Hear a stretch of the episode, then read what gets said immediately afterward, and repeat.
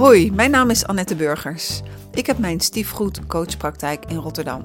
Op zoek naar de liefde ga ik op zoek naar bijzondere liefdesverhalen met een lach en een traan.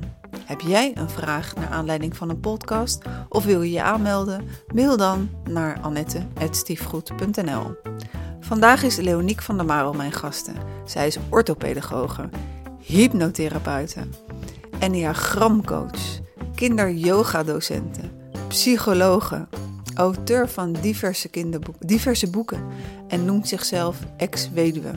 Leoniek is gespecialiseerd in rouw. In rouw bij dood, ziekte en echtscheiding. Alles onder het nieuwe rouwen. Ik vind het echt een eer dat je mijn gast bent. Welkom Leoniek in je eigen, in je eigen praktijk. Dankjewel Annette, leuk om er te zijn. Leoniek, altijd is mijn allereerste vraag. Wat is jouw relatiesituatie? Ik ben getrouwd, gelukkig getrouwd. En uh, dan heb ik natuurlijk wel iets gelezen en we kennen elkaar iets langer uh, dan vandaag.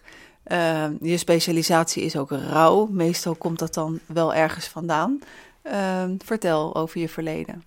Ja, um, nou, het is dit jaar, volgend jaar is het 25 jaar geleden dat mijn toenmalige man overleed. En ik had een dochtertje van vijf. En zoals dat hoort in een goed rouwproces, want zo hoort het namelijk een beetje, komt er een moment van zingeving en denk je, ja, wat ga ik hier nou mee doen? Mijn leven mag niet zomaar doorgaan. En toen ben ik mij gaan specialiseren in rouw. Sterker nog, ik moest ook nog helemaal opgeleid worden. Dus toen ben ik pas pedagogiek gaan studeren.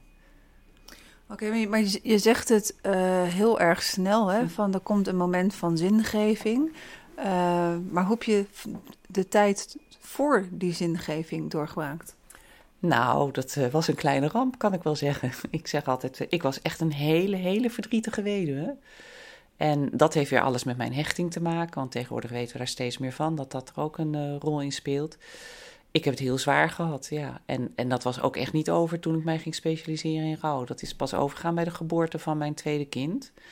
En, en die heb ik van een donor gekregen, dus toen had ik ook nog niet eens een nieuwe partner. Maar toen heb ik echt uh, ja, gevoeld dat, het, dat ik weer blij en gelukkig werd. Maar dat is ook wel een stap. Dus als je net rouw achter de rug hebt en je hebt een dochtertje om dan te beslissen voor een nieuw kindje erbij? Wat, wat, wat bracht je daartoe? Nou, ik heb altijd gezegd in mijn hele leven: ik wil een eh, man en zes kinderen. Dat is aardig gelukt. Alleen, ik moest alleen wel bij gezegd hebben toen dat ik wil dat ze alle zes uit mij komen. Dat is niet gelukt. Want mijn eerste man was gescheiden en die had twee kinderen. Nou, ik heb nu zelf twee kinderen. En mijn nieuwe man heeft ook twee kinderen. En uh, ja, dus op jouw vraag terugkomend. ik wil gewoon heel graag veel kinderen. En ik ben lang op zoek geweest, zoals ik dat zei, naar een vader voor mijn tweede kind. Dat lukte natuurlijk niet, dat begrijp je, want dan zoek je verkeerd. En toen dacht ik, nou, dan ga ik het alleen doen. Dat vonden mensen heel knap, maar ik dacht, ja, ik doe het alleen. Dus het is voor mij helemaal niet zo'n punt om er nog een kind bij te doen. En dat was ook geen punt. Ik heb het heerlijk gehad. En uh, dus je had eerst uh, je dochtertje, toen een zoon, klopt dat? Uh, tweede kind, ook een dochter? Ook een dochter. En toen kwam je ergens weer een nieuwe meneer tegen. Ja. hoe ging dat? Ja, hoe ging dat? Um, ja, dat was, voor mij was dat heel erg prima. Ik was tien jaar verder in mijn rouw, dus ik was er wel klaar voor, kan je wel zeggen. En ja, dat klikt ook heel erg goed. Hij is zelf ook weduwnaar en dus onze overleden partners mochten er ook gewoon zijn. Want dat is natuurlijk vaak heel lastig als een van de twee niet uh, verweduwd is. Maar wij kunnen het gewoon over onze overleden partners hebben zonder dat we ons bedreigd voelen of wat dan ook. En ja, wel een klik en dat ging heel erg leuk. Ja, het ging eigenlijk heel erg vanzelf. Ja, nou ja dat kunnen we ons allemaal uh, wel wensen, dat een relatie vanzelf gaat. Uh, en hoe ging dat met de kinderen? Zaten die in dezelfde fase dat, dat ze er ook weer open voor stonden? Nou, dat heb ik altijd heel erg bijzonder gevonden van zijn kinderen. Die, uh, die, die, konden dat heel goed hebben. En dat heeft denk ik weer alles te maken met de manier waarop zij zijn opgevoed. Namelijk dat alles oké is en heel erg in het nu zijn. En misschien scheelt het ook dat het jongens zijn, dat weet ik eigenlijk niet. Maar in ieder geval, dat ging wel goed. Met mijn oudste dochter was dat wat minder. Want mijn oudste dochter die was echt wel heel, al heel lang gewend om alleen met mij te zijn. Dus daar, daarvoor was Hans, want zo'n heet mijn partner, was wel een indringer. En dat heeft echt wel even geduurd. En ik heb dat wel eens later aan haar gevraagd. En toen zei ze: ja, op het moment uh, dat hij waarde voor mij kreeg, was het oké. En wat bedoel ik daarmee? Er was een moment, zij ging naar een open dag van humanistiek. Zij was afges of ze kwam van de VWO af. En ik kon niet. Ik draaide een kinderweekend voor achter de regenboog, dus ik kon echt niet. En toen heeft ze Hans gevraagd. En toen opeens merkte ze: hé, hey, je kan dus ook wat aan die man hebben. en eigenlijk vanaf toen is het goed gegaan. Nu hebben zij een hele leuke band. Oh, Oké, ja, dus um, als dan een nieuwe partner de waarde heeft, dan, dan is er meer acceptatie. Dat waren wel haar woorden. En ik heb dat ook wel steeds meer gemerkt in mijn praktijk, waar ik natuurlijk ook veel werk met mensen die een nieuwe partner krijgen. Um, je, ja, nee, ik wil niet zeggen, ja, je moet iets doen, dat is misschien niet goed gezegd, maar wel voeg iets toe aan het leven van jouw stiefkind. Ja, voeg iets toe. Dus natuurlijk, uh, uh, sommige mensen willen te graag iets toevoegen en zijn te druk bezig met alles wat in het huishouden en ze willen zich daar natuurlijk heel erg neerzetten. Maar eigenlijk is het voeg iets toe wat belangrijk is voor het kind. Ja, precies. Dus, en dan niet in de zin van uh, nu ga ik jou eens fijn helpen met je huiswerk. Of, maar wel op een bepaalde manier wat, wat misschien die ouder niet deed of niet kon. Of nee, dat, dat klopt niet helemaal wat ik nu zeg. Nee, ik, dat kan ik ook eigenlijk niet invullen. Dat is heel erg zoeken van wat past bij dat kind. Waarin is jouw toegevoegde waarde? Dus niet alleen de lastige uh, stiefouder zijn die zegt dat je nu opeens wel uh, aan tafel moet komen eten of je kamer moet opruimen. Maar ook de stiefouder zijn die, die echt iets met jou gaat doen. Iets wat misschien dan de andere ouder niet doet op dat mm. moment. Ja. Nu ben jij gespecialiseerd in uh, rouw. Um, rouw na de dood, rouw na de echtscheiding en rouw bij ziekte. Uh, wat is het verband ertussen en wat is het verschil? Ik denk dat het verband is dat uh, verliezen een enorme impact hebben op een, uh, op een leven. En uh, dan met name ook, nou niet met name, maar ook van de kinderen, want ik ben ook gespecialiseerd in rouw bij kinderen. Dat is wel het algehele verband en dat zien we niet altijd. Want we, we hebben niet altijd in de gaten dat echtscheiding ook echt heel veel rouw betekent voor, uh, voor de kinderen, maar ook voor de partners. En dat dat bij ziekte ook zo is. Dus dat is ook echt waar ik een lans voor wil breken. Dat we dat heel serieus nemen. Niet zomaar denken van, ach, het kind moet wennen aan een nieuwe situatie. Nee, het gaat veel verder dan dat. En het verschil ertussen is dat, ja, ik denk als we kijken naar echtscheiding en dood, als, als je het hebt over een ouder. In de dood praat iedereen goed over jouw overleden ouder. In echtscheiding praat iedereen misschien heel slecht over jouw ouder. En dat is een extra trauma voor het kind die zijn, die zijn weergaan niet kent, laat ik het zo zeggen. Mm um, en wat kunnen we er met z'n allen tegen doen? Allereerst de ouders blijven respecteren. Of die nou overleden is of gescheiden of wat dan ook. Met respect blijven praten over die ouder. En het kind willen horen in uh, zijn of haar rouw. Ik sprak laatst mijn stiefdochter, dus dat is dan de, de dochter van uh, mijn overleden man. En ze had in die tijd heel veel buikpijn. Ik zei, hoe kwam dat nou? En toen zei ze, omdat er niet naar mij geluisterd werd. En dat is natuurlijk vanuit echtscheiding zien we dat heel veel. Dat, dat er gereageerd wordt ook vanuit een schuldgevoel. Je wilt zo snel mogelijk maar bij een ander neerleggen, want dan heb jij geen schuld eraan. En wat er uiteindelijk gebeurt is dat het kind niet gehoord wordt. En dat is niet goed. Nee. En uh, stel nou, uh, de post bestaat geloof ik niet hoor, minister uh, van Familie van familie. Maar stel, jij zou uitgekozen worden en gevraagd worden voor minister van familie. Wat zou jij dan allemaal gaan veranderen in Nederland om, om hier op een betere, educatieve, uh, liefdevollere manier mee om te gaan? Nou, ik zal eerst beginnen dat, uh, om iedereen te leren, als je met kinderen praat, om ook echt met het kind te praten en je eigen um, onmacht, uh, schuldgevoel, wat dan ook, buiten boord te zetten. Dus, en blijf vragen stellen aan het kind. En denk niet dat een kind iets niet kan voelen. Hoe vaak horen we dat wel niet? Ja, dat is onzin, joh. Stel je niet zo aan. Nee, dat is geen onzin. Want het kind brengt het in. Als ik voorlichtingen geef, zeg ik altijd: ga bij jezelf na. Als jij iets vertelt en een ander zegt: Nou, dat is toch ook raar dat je dat voelt. Dan voel je je niet serieus genomen en die voel je ook niet geholpen. Dus ik zou willen dat, dat we A, met aandacht weer gaan leven met elkaar. En B, elkaar vragen stellen en echt luisteren. -hmm. En hoe zou je dat uh, uh, ja, in de samenleving willen zetten? Wordt het een vak op school? Wordt het, uh, wat, wat, hoe gaan we dat bereiken met z'n allen? Nou, ik zou vooral zeggen voorbeeldgedrag. Dus dat betekent um, de mensen die het nu moeten overdragen. Dus jij, jij zegt een vak op school en daardoor word ik getriggerd. Je kan het natuurlijk leren, maar ik denk dat het veel beter is als je het voordoet. Want als jij met, met als, dus we zouden misschien die docenten dan weer moeten leren om dat dus voor te doen. Dus we moeten beginnen bij de volwassenen die het over moeten dragen aan de volgende generatie. En dan komt het goed. Ik zeg dat kinderen leren van voorbeeldgedrag. Je kan ze vertellen dat ze met mes en vork moeten eten. Maar als jij met een lepel eet, gaan zij ook met een lepel eten. Dus als jij wil dat kinderen met aandacht opgroeien of met aandacht ook in de wereld komen te staan, dan zal jij ze ook die aandacht moeten geven en de liefde en de warmte en de zachtheid. Mm Ja, alleen als je dat zelf niet geleerd hebt, ja, dan, dan moet je dat natuurlijk ook weer ergens leren. Ja. Je had het toen straks over hechtingstijlen. Um, wat is de invloed van een hechtingstijl op hoe je verdriet verwerkt? Nou, op het moment dat je veilig gehecht bent, dan ben je in staat om uh, verdriet, verlies, verdriet op te vangen, om daar hulp bij te vragen, om hulp te accepteren, om uh, het zelf aan te gaan, om je eigen weg te zoeken, dus dat is over veiligheid. Als je angstig gehecht bent, dan ben je veel afhankelijker van de ander. En dan ben je dus kijkend naar die ander die jou moet gaan helpen om dit te gaan verwerken. Als je vermijdend gehecht bent, dan heb je geleerd om alles zelf op te lossen, maar je hebt geen idee hoe. Dus je gaat maar wat doen en dan kan je vastlopen. En dan heb je nog een vierde hechtingsstijl, dat is de gedesorganiseerde hechtingsstijl. En dan zie je dat mensen eigenlijk een beetje van alles doen. Het ene moment vragen ze jou om hulp, het volgende moment zetten ze je buiten de deur. En het andere moment, uh, dan zijn ze weer heel erg open en benaderbaar. Dus we zien wel dat de veilige hechte kinderen, mensen, volwassenen het beste het op kunnen vangen. Omdat ze ook een soort bodem hebben. Je kunt het een beetje zien als een bodem waar het op landt. Mm Veerkracht. Ja, maar dat is dan één op de vier, want de anderen zijn uh, niet zo veilig gehecht. Ja. Wat zijn dan uh, ja, jouw beste tips om daar, uh, stel, ik vraag me af of de gemiddelde mens weet hoe die gehecht is. 1, 2, 3, om daar zo een antwoord mee te geven. maar stel, je merkt gewoon dat een scheiding, dat je daar niet zo doorheen komt zoals je zelf zou willen. en dan ga je nadenken over je eigen hechting als je daar dan achter komt.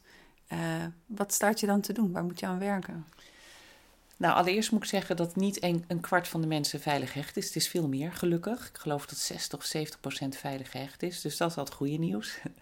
En dan als je erachter komt dat je dus niet in die veilig gehechte categorie zit, dan waar we tegenwoordig heel erg mee bezig zijn, is dat mensen zich gaan hechten aan andere mensen. En daardoor gaan leren om, om dus een andere hechtingsstijl te gebruiken.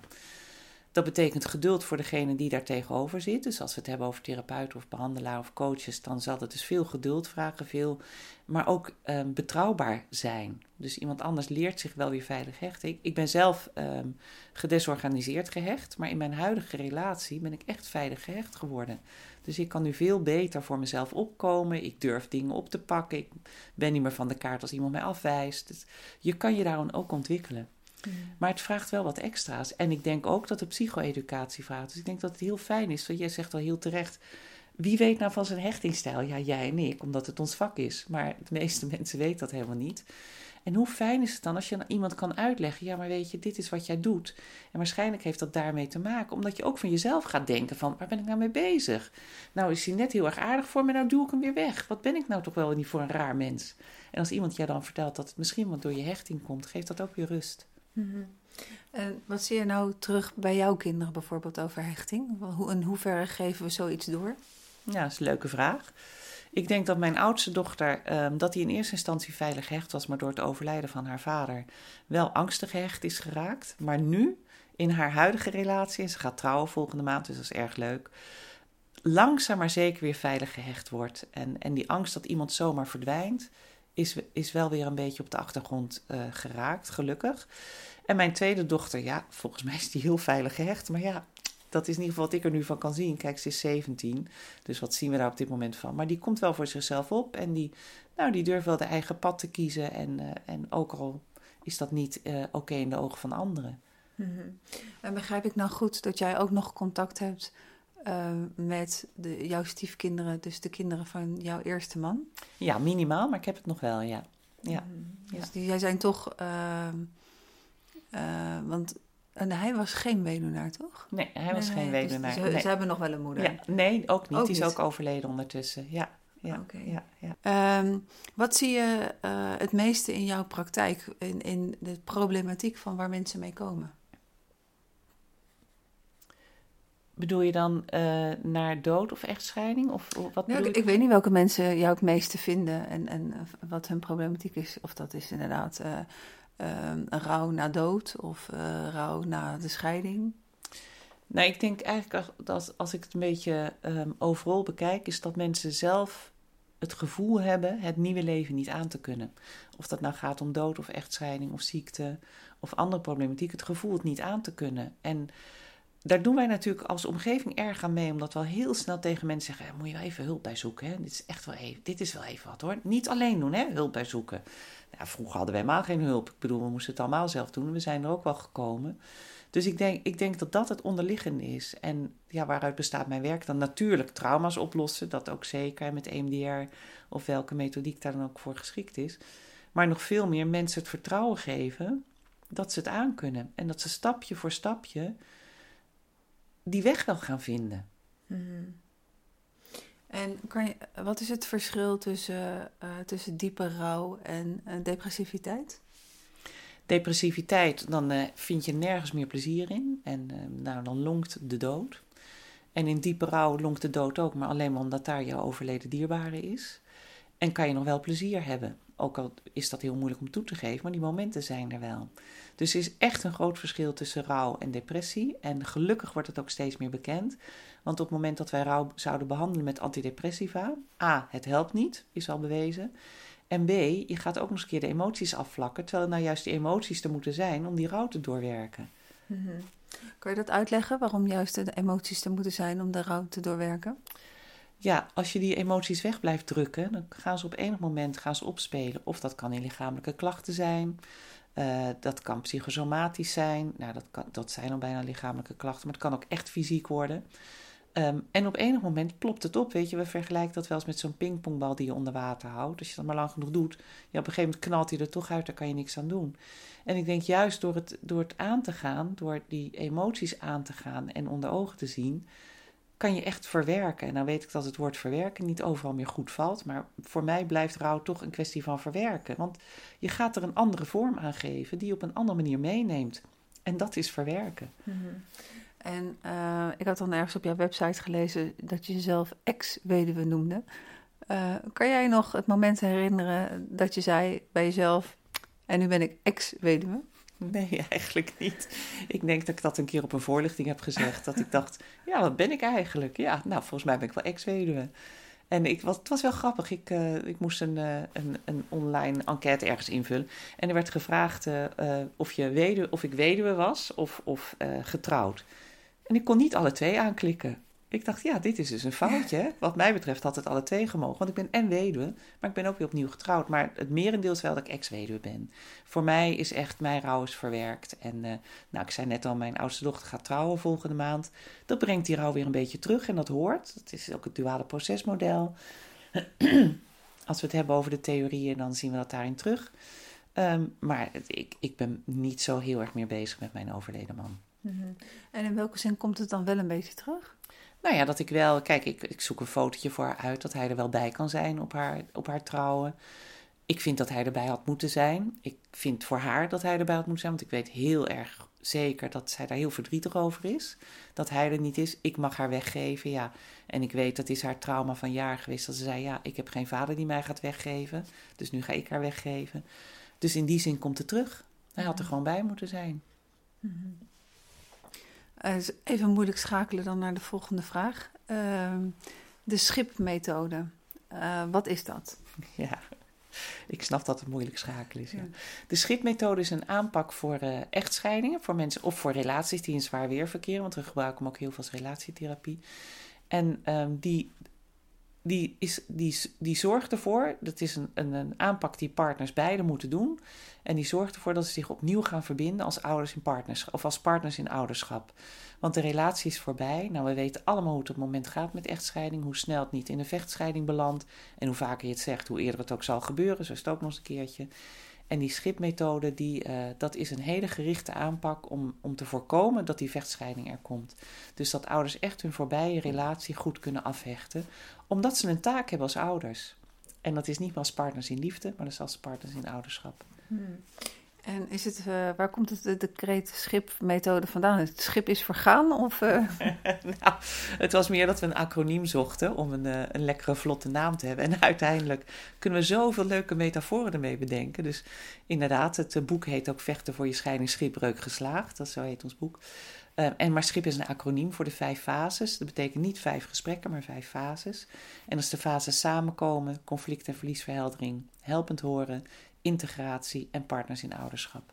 Mm En uh, wat merk je van de resultaten? Hoe, hoe komen de mensen binnen en hoe gaat het gemiddelde stel weer de deur uit? Ja, nou, de gemiddelde stellen gaan uh, blij de deur uit. Ja, ik zou natuurlijk ook niet anders zeggen hier. Hè? Nee, maar het is ook echt wel waar. We hebben er ook een effectiviteitsmeting aan gekoppeld en uh, daar, daarvan hebben we nu 39 uh, mensen terug. En dat is echt een significante verbetering, dus dat is heel fijn om te zien. Natuurlijk mislukken er ook uh, um, therapieën, dat is ook logisch. Maar over het algemeen gaan mensen gewoon echt gewoon weer als goede partners weg. En zeggen ze ook, deze gesprekken hadden wij jaren eerder moeten hebben.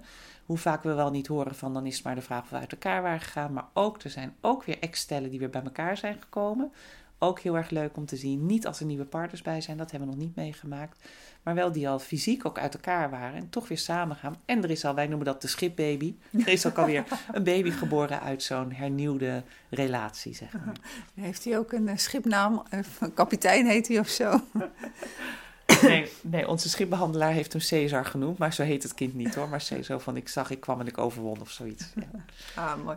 Is er, uh, want het is een methodiek hè, is er uh, als je naar zoveel um, koppels uh, in je praktijk hebt gehad en die heb je begeleid, is er een moment uh, wat een kantelmoment is? Dat je zegt van nou, daar zie ik eigenlijk wel bij alle, uh, bij alle koppels dat daar dan iets gebeurt. Ja, dat is al in fase 1 al. En, want in fase 1 gaan we heel erg de voorbije relatie uiteenrafelen. En een van de belangrijkste vragen daar is, is waar is het gaan schuiven? En dat zijn die kleine momentjes waarvan je denkt, laat maar zitten. Hij vergeet een keer de sinaasappels mee te nemen. Of hij heeft weer de vuilnisbak niet buiten gezet. En je denkt, ach, hij heeft de druk, laat maar. Of zij. En, uh, maar juist die momenten, die liggen aan de basis van wat daar allemaal overheen komt. En uiteindelijk gaat het, hè, heeft het waarschijnlijk een thema. En als je dat al boven tafel krijgt, dan, dan zie je dat in die fase 1, die vaak drie gesprekken duurt, dat beide partners al inzien: hé, hey, ik heb altijd naar jou geweest voor het mislukken van onze relatie, maar ik heb ook een aandeel.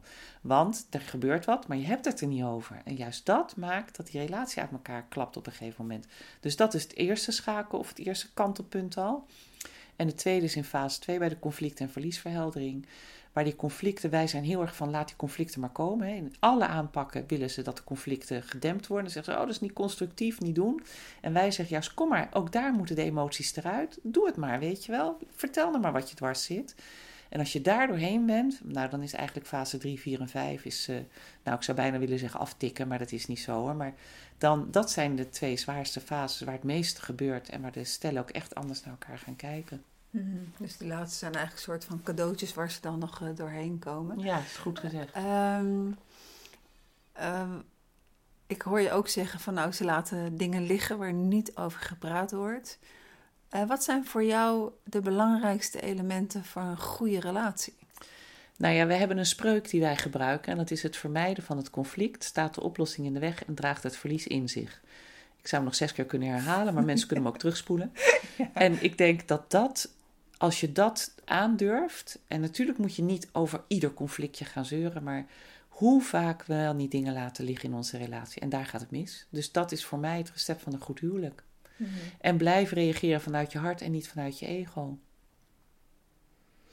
En um, welke communicatietips heb je dan? Welke, welke communicatie zit hierachter? Ik bedoel, um, het, het, klinkt makkelijk, hè, van ga het conflict aan. Uh, als je conflict vermijdend bent, dan lukt dat niet 1, 2, 3. Ben je dat? Uh, ik niet. ik wel. Mijn partner wel. ja. uh, dus ik heb er wel mee te maken.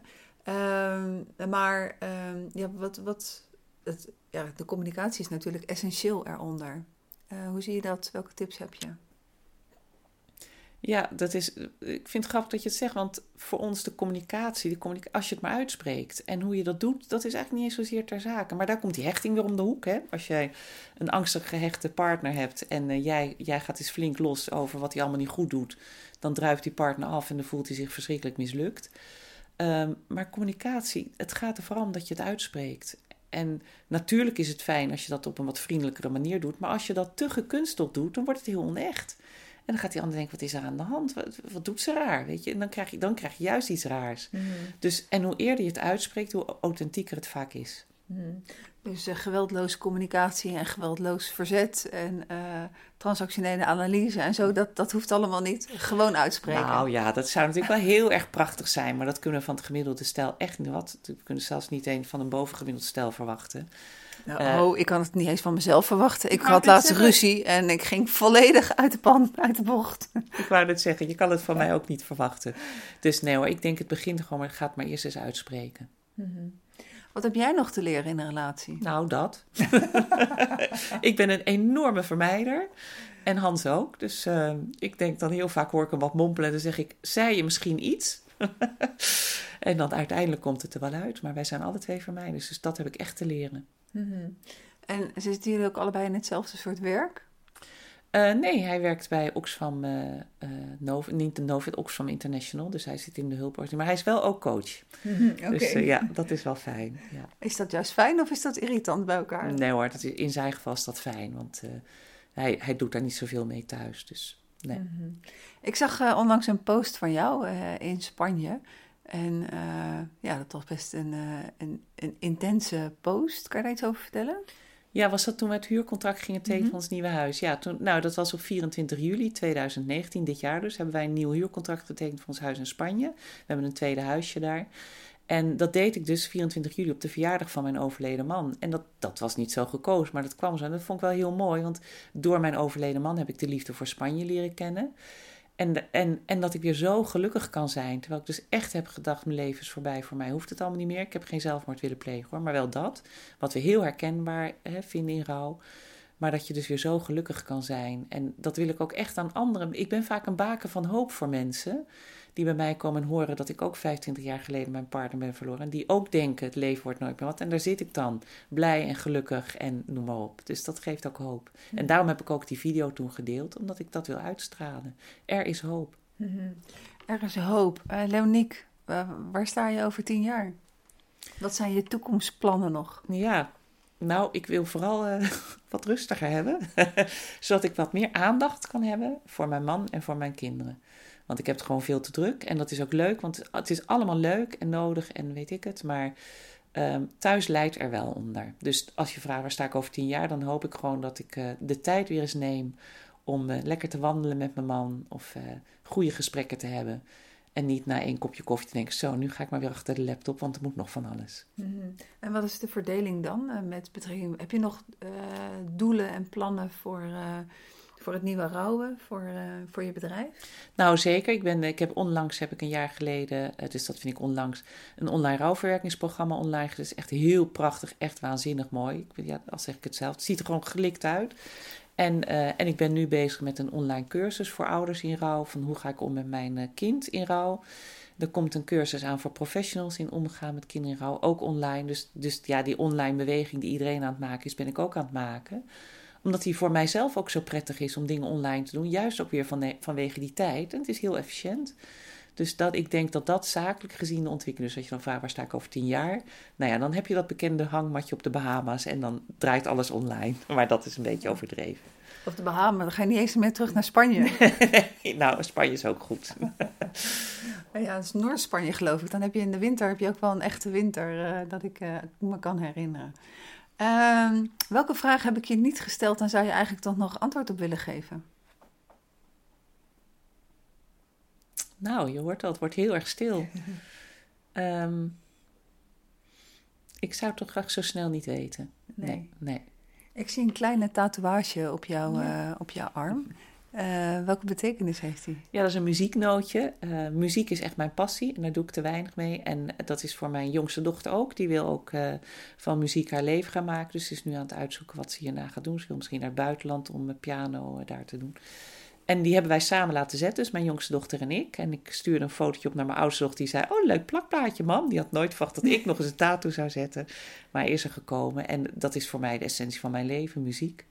Dus ik doe ook heel veel met muziek. En uh, ik heb ook een lithografie playlist waar allemaal rouwnummers op Spotify staan die mensen kunnen uh, beluisteren. Gewoon mooie nummers die gaan over verlies, over afscheid nemen. Muziek dus. Ja, muziek. En uh, wanneer hebben jullie dan samen die tatoeage laten zetten? Ja, dat was begin van dit jaar, ja. Ja, ik weet eigenlijk niet eens hoe we erop kwamen. Uiteindelijk wilden we wel met het hele gezin tatoeages. Zelfs Hans wilde wel meedoen. met een muzieknoot? Nee, niet met een muzieknoot. Hadden we iets anders bedacht. Een puzzelstukje. Omdat uh, als je ons naambordje ziet, dat is een puzzelstuk. Omdat mijn dochter heet natuurlijk Van der Marel, mijn oudste dochter. Uh, nou, mijn jongste dochter heet Stordio, mijn meisjesnaam. En Hans heet Breekveld van zijn achternaam. Dus dat moest toch met z'n allen op één naambordje. Nou, ga daar maar eens aan staan. Dus wij wilden dan een puzzelstuk. Maar uiteindelijk uh, haakten er toch een paar van de familie af, helaas. Ja, was anders een puzzelstuk op je bil geweest of zo. Oh ja, wie weet. Ja. maar nu is het een heel bescheiden muzieknoot. Uh, nou, ik kan me voorstellen dat het ook heel erg verbindt met je dochter. Ja, zeker weten. Heel erg. Ja. En dat, uh, dat is ook mooi. Ja, wij, zijn, we zijn natuurlijk ook heel erg verbonden. Ook weer op een hele andere manier dan dat ik met mijn oudste dochter heel erg verbonden ben. Want dat is wel, je krijgt een hele bijzondere band met je kind op het moment dat je partner overlijdt. En uh, ja, die, die muziek verbindt ons zo. We gaan ook op de, dat weet mijn oudste dochter niet, maar ze gaat deze podcast toch niet luisteren. maar we gaan zingen op haar uh, huwelijk. En uh, met piano wordt helemaal geregeld daar in Nieuw-Zeeland. Dus we gaan dan ook de muziek in haar leven weer brengen. In Nieuw-Zeeland gaat ze trouwen? Ja, ja, daar komt haar aanstaande man vandaan. Maar ze gaan gelukkig in Engeland wonen. Dus Oké, okay, dat is wel te bereizen, inderdaad. Is muziek ook belangrijk geweest in, uh, in, in de rouwfase in jouw leven? Heb je daar echt iets aan gehad? Absoluut, absoluut. Ik kan nu nog de nummers mee brullen die ik toen ook mee brulde en waar ik herkenning in vond en waar ik me in kon uiten. En uh, juist in muziek, ik zei, ik ben natuurlijk uh, gedesorganiseerd gehecht, dus ik had niet zoveel aan anderen, ik kon er niet zoveel mee, maar de muziek wel. En dat was dat is voor mij heel erg fijn geweest. Mm -hmm. En wat je nu zegt, is dat ook wat je letterlijk deed, meebrullen? Ja, echt letterlijk. Ja, s ochtends om half acht. Ik denk nog eens mijn buurvrouw, ze is uh, vrij snel daarna overleden. Maar ik denk, oh, wat moet die wel niet gedacht hebben? Want nou, dat galmde door die box om half acht ochtends. Echt vreselijk. Ik dacht dat je ging zeggen, die is vrij snel daarna verhuisd. Maar... nee, dat niet. Nee. Dat niet, nee. helaas dan. Nee, ik hoop ook uh, niet dat haar overlijden daar iets mee te maken had. Nee, dat, dat zal wel niet. Uh, Leoniek, ik wil je hartelijk bedanken voor, uh, voor het interview, voor deze podcast. Uh, superleuk om je weer te zien en om dit met je te bespreken. En ja, heel veel succes. Ik hoop dat je inderdaad, misschien wel eerder dan over tien jaar, gewoon over vijf jaar, dat je al meer tijd hebt om iedereen aandacht te geven die je aandacht wil geven. En dat je via online trainingen de mensen die het zo hard nodig hebben ook de aandacht kan geven. Dankjewel Annette, ik vond het erg leuk. Dankjewel. Dank je. En voor de luisteraar over twee weken graag weer. Tot de volgende podcast. Dankjewel.